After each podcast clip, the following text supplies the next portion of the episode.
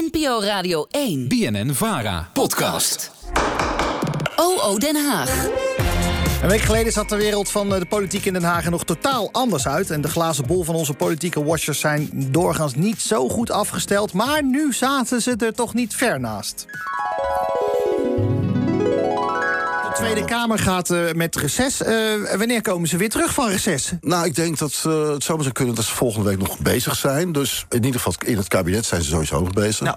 Dus ik denk dat wij gewoon volgende week nog even door kunnen. Oké, en dat prima. reces een beetje uitstellen. Jij, Francisco? Nou, deze storm die we vandaag hadden, had niemand voorzien, geloof ik. Hè? En ik denk dat dat voor de politiek ook geldt. We weten nooit wat er gaat gebeuren. Ik denk dat er niks gebeurt, maar dat zou wel eens reden kunnen zijn... dat er vervolgens een vreselijke pleuris uitbreekt. En of de pleuris is uitgebroken. Gelukkig zijn jullie er toch een, nog een weekje extra bij. Kea van Jolen, welkom. Ehm, we beginnen even met de Telegraaf. Want ja, de Telegraaf pakt er ouderwets eh, groot uit. Dylan Jezulkus, die wil lijsttrekker worden van de VVD.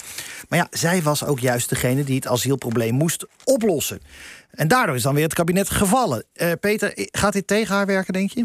Nou, ik, eh, ik zag haar bij het prachtige programma Op 1 afgelopen zaterdag... samen met Van Ooyen en Hugo de Jonge... met wie ze had onderhandeld al die tijd. En ik zag een heel respectvol gesprek eigenlijk. En er werd niet gescholden, er werd, eh, het, het was niet zo hard... als het blijkbaar in de ministerraad wel is toegegaan... waar Mark Rutte het, eh, het, vuur aanwakkerde... en heel hard tekeer ging en die stemming wilde. En ik heb het indruk dat Jezilkus nog steeds gewaardeerd wordt... door die collega's en dat die wel het gevoel hebben... dat ze redelijk met haar hebben gesproken. Wordt zij dan de eerste vrouwelijke premier, Francisco? Eh, dat zou natuurlijk altijd kunnen. Ja, het, het wordt wel een beetje lastig, omdat ja, wat, wat je erbij krijgt, gaat er ook weer af. Ik, ik, ik zal zeggen dat eh, eh, ze is nogal rechts, rechtser dan Rutte. Eh, dus dat betekent dat er toch best wel VVD'ers die wat liberaler zijn... eh, ja, die zullen misschien naar andere partijen gaan uitkijken. Ehm, je hebt natuurlijk een, eh, de, je zou denken van nou oké, ze trekt mensen aan van ja 21 bijvoorbeeld. Maar ja, daar is ook een deel van die zullen toch niet op iemand met een buitenlandse achtergrond gaan stemmen. Want daar hebben ze een hekel aan, daar is die partij voor opgericht zo'n beetje. Dus ja, dat, dat, je, je kan daar niet 1, 2, 3 zeggen. Maar gaat haar dat echt parten spelen, haar Turkse komaf, achtergrond? Geen idee. Dat, ik weet niet hoe dat gaat spelen. Dat, eh, dat, eh, ik denk het niet. Maar ja, aan de andere kant is natuurlijk. zou je ook kunnen zeggen. Ja, zij is. eh, het- ze wordt nu naar voren geschoven natuurlijk als premier. Maar ze is een soort Theresa May. hè. het is de, de cliff. De, de, de, de glazen klif. Die partij, iedereen weet dat de VVD het moeilijk gaat krijgen. De kans dat, die, dat, dat je Rutte kan evenaren, die is eigenlijk niet heel. Dus ja, er moet een tussenpersoon komen om die partij even in een eh, rustig vaarwater te krijgen. en dat is meestal een vrouw. Dat Ja, is meestal kun, een je, vrouw. kun je nagaan hoe moedig het is. Het is geen eh, wegloper, deze mevrouw. En ehm, ja, ze, ze weet dat ze een enorm zware klus voor de, boeg, voor de boeg heeft. En je ziet allerlei mensen die, van wie je het misschien eerder zou verwachten... gezien hun statuur, zo'n Klaas Dijkhoff... of misschien Janine Hennis, Edith Schippers... die zie je toch vriendelijk bedanken. Ehm, zij doet het wel. Ja, wat, je, wat je zeker. niet even niet moet vergeten is wat ik interessant vind. Want ik vind eigenlijk dat we. hè, de democratie is uit, uit, uit Griekenland afkomstig. Maar het ene Griekse drama na het andere voltrekt zich. En er gaat hier natuurlijk heel veel nog over geschreven worden. Maar vergeet niet dat zij degene is die die agenda naar voren heeft geschoven. waar het kabinet op gesneuveld is. Hè? En als jij. Maar zij als moest je de het ambitie- proces begeleiden. als je de ambitie hebt om Rutte op te volgen, dan zal je hem eerst weg moeten werken. En ja, wie weet, eh, heeft ze, is ze wel een veel grotere schaker dan wij ooit konden bedenken. Maar over schaken eh, eh, gesproken, er zijn nog meer stukken op, op het bord. Tenminste, ze staan er nu nog. Laten we eerst naar D66 gaan. Want ja, blijft Sigrid Kaag als partijleider aan... blijft die op het schaakbord staan? Nou, als je me dat vorige week gevraagd had, dan zou ik zeggen: Nou, de kans is niet heel groot. Maar nu, ja, verandert de situatie. Uh, ik heb begrepen, Peter weet dat beter. Die is altijd heel erg van de menselijke emotie. Dat ze erg opgelucht is. Er loopt door Den Haag op het ogenblik. En dat, ze, dat kan zijn omdat ze van Rutte verlost is. Dat kan ook zijn omdat ze besloten heeft om ermee te stoppen. Het kan ook zijn dat ze juist opgelucht is. Dat ze besloten heeft ermee door te gaan. Ik denk dat als ik haar was. Uh, ja, denk ik dat ze het wel tegen Jezus wil, wil opnemen. Peter? Nou, ik, uh, ik zie dat niet gebeuren, eerlijk gezegd. Nee, ik denk dat de glazen bol van Franciscus wel vaker beslagen. En in dit geval denk ik dat hij toch echt ernaast zit. Want nou, we hebben kunnen zien hoezeer Sigrid uh, Kaag klaar is met de Nederlandse politiek. Uh, dat hebben we op verschillende podia kunnen zien. En het AD had een heel mooi verhaal vandaag... met de Instagram-activiteiten van Jezielkus en Rob Jetten. En die waren, twee, waren heel actief inmiddels, ook via de partij en zo... Uh, als je dat ziet, dat, was nog, dat stuk was gepubliceerd voordat Jezielkus bekend maakte dat ze het ging uh, doen. Ehm, ik denk dat we morgen, overmorgen horen dat mevrouw Kaag terugtreedt... en dat Rob Jet haar plek inneemt. Nou, we gaan het zien welke glazen bol het beste staat afgesteld van jullie twee. Heeft de laatste tijd, tot mijn, ja, ik, tot mijn verbazing, heel vaak gelijk. Hè? Nou ja, dan ga Dus ik kijken zijn of die- voorspellend vermogen. Als ik zou zeggen, mensen, vraag aan hem wat de lottocijfers zijn voor zondag. Je weet het nooit. Nou, dan ga ik ook aan hem vragen, Peter. Heel veel ogen zijn namelijk ook gericht op het CDA. En CDA-mastodon Jack de Vries, die zei vanochtend tegen de Telegraaf... wij zijn de Volvo onder de politieke partijen. Met wij bedoelde hij dan het CDA. Veilig, betrouwbaar en ja, misschien ook wel een beetje saai. Maar een nieuwe leider hoeft niet van het scherm te, te spatten... als hij maar echt is. De Volvo van de politieke partijen. Wie gaat die besturen?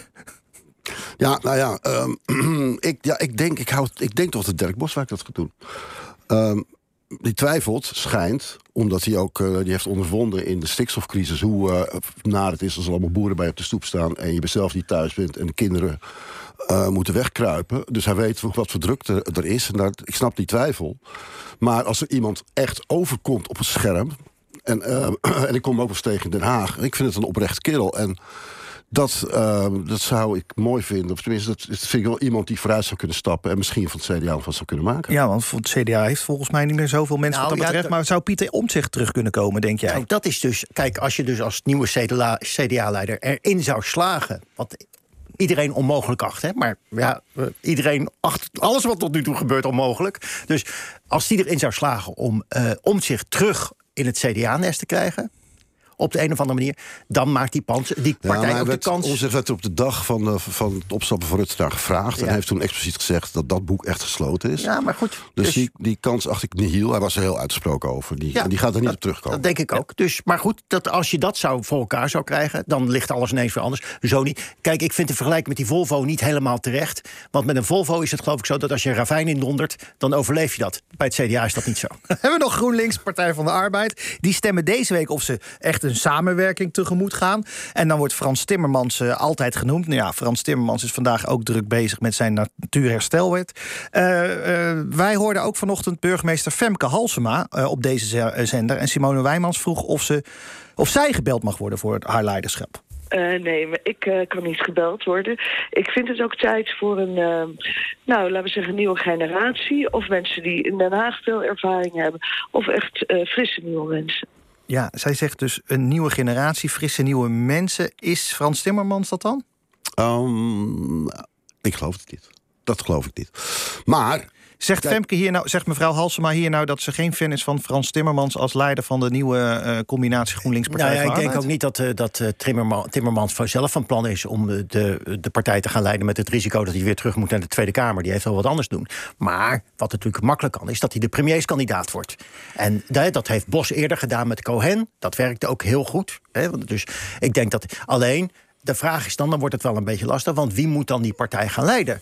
Dat zou dan niet iemand. Dat, ik dacht eerst Marjolein Moorman, dat ligt Ja. voor de hand. Maar ja, Ja, dat kan dan beetje lastig. eh, Die kan niet en de premierskandidaat. in Amsterdam. Ja, je kan niet de premierskandidaat van de PvdA hebben en de lijsttrekker. Dus dat zou dan iemand anders moeten zijn. De Volkskrant suggereert nu dat dat Jesse Klaver zou moeten ja, blijven. het is wel de logische constructie natuurlijk. Maar ja, Ik- ik- dat is weer ik- geen ik- Ik zelf bloed. niet gedacht. Dat is- Klaver als eh, de, de lijsttrekker en Timmermans daarboven als de kandidaat-premier. Eh, maar inderdaad, Marjolein Moorman is ook heel belangrijk en eh, kansrijk. Dus Een duo-lijsttrekkerschap kan ook nog, hè? Ja, spannende tijden. Maar tenslotte, eh, we krijgen allemaal, we hebben het hier ook allemaal over nieuwe partijleiders. eh, maar ook heel veel Kamerleden houden ermee op. Dus we krijgen een hele onervaren Tweede Kamer. Ehm, Francisco, denk je dat jij ooit nog, als het een beetje chaos wordt in de Tweede Kamer, toch nog gaat terugverlangen naar Mark Rutte? Eh, nou, ik heb ook, ik, ik, hoezeer ik ook een afkeer begon te krijgen van Mark Rutte, in het begin niet, hè, maar in de loop der tijd. Ik heb toch nooit terugverlangd naar Balkenende. En ik denk dat dat hier ook bij zal zijn. Eh, dus dat we denken, oh, wel eens, we gaan wel eens terugdenken aan betere tijden, maar dan toch zonder Mark Rutte. Nou, daar geloof ik niks van. Het is, als die beter was, hij natuurlijk geniaal. En dat, eh, dat heeft hij tot het laatste moment laten zien. En dan ook de regie pakken over zijn eigen vertrek. Dit, wat niemand aan zag komen. Ja, bedoel, dit is een hele bijzondere politicus waar we afscheid van nemen. Veel, eh, ook op zijn kerfstok. Laat ik, laten we daar niet eh, onduidelijk over zijn. Maar ja, eh, zo in de politiek, dan maak je, maak je af en toe... Nou, laten we wel zijn. Ik bedoel, ik vrees wel dat we best wel eens een, een ernstig scenario te- tegemoet kunnen gaan. Maar ik ben wel heel Met bang een hele voor, rechtse voor, regering. Voor, allemaal rare, ongeleide projectielen die misschien in de Tweede Kamer terechtkomen. Want ja, ik bedoel, de, de selectie is nu bezig en je schiet je dood misschien. Nou ja, dat, is dat niet het grote probleem dat er heel veel ervaring vertrekt uit de eh, Tweede Kamer? Ja, maar dat is al twintig jaar aan de gang. Ja, maar nu wordt het misschien wel extreem. Ja, maar dat zeggen we iedere keer. Het is gewoon, iedere keer wordt er een slachting gehouden. En het is, ja, we hebben een heel nieuw speelveld. Maar er is ook een tv-wet, hè. TV wil voortdurend nieuwe mensen. Nou, die krijgen ze allemaal. Nou ja, mensen vertrekken steeds eerder, weet je wel. Dus eh, wat dat betreft, eh, dat was de afgelopen tijd niet, niet zo fijn om te zien. Mensen gaan snel weer weg. Kijk, uit naar een andere baan. En ja, omdat er zoveel druk staat op dat Kamerlidmaatschap... en dat je door iedereen wordt eh Nou ja. afgeserveerd... is het ook gewoon een, een minder prettig beroep geworden, denk Dus ik. ja, dat is ook. Dit is, het, het is voor mensen minder interessant om politicus te worden. Als mensen tegen mij zouden zeggen van ik ga politicus worden, dan vraag ik toch Maar of Pieter zie ik het nog wel doen, denk jij niet?